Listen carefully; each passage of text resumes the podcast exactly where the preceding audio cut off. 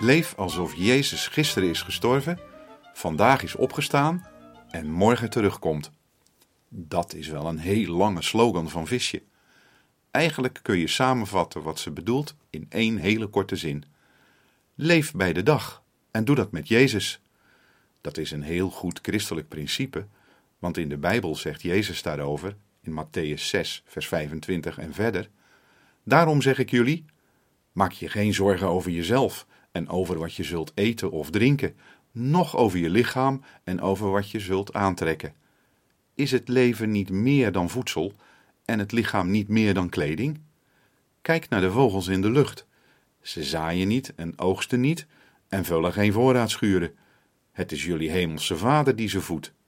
Zijn jullie niet meer waard? Nee. Zijn jullie niet meer waard dan zij?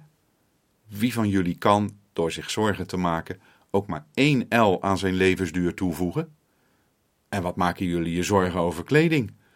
Kijk eens naar de lelies. Kijk hoe ze groeien in het veld. Ze werken niet en weven niet. Ik zeg jullie, zelfs Salomo ging in al zijn luister niet gekleed als een van hen. Ja, heel dicht bij Jezus leven en je geen zorgen maken over jezelf. Dat is het mooiste wat er is.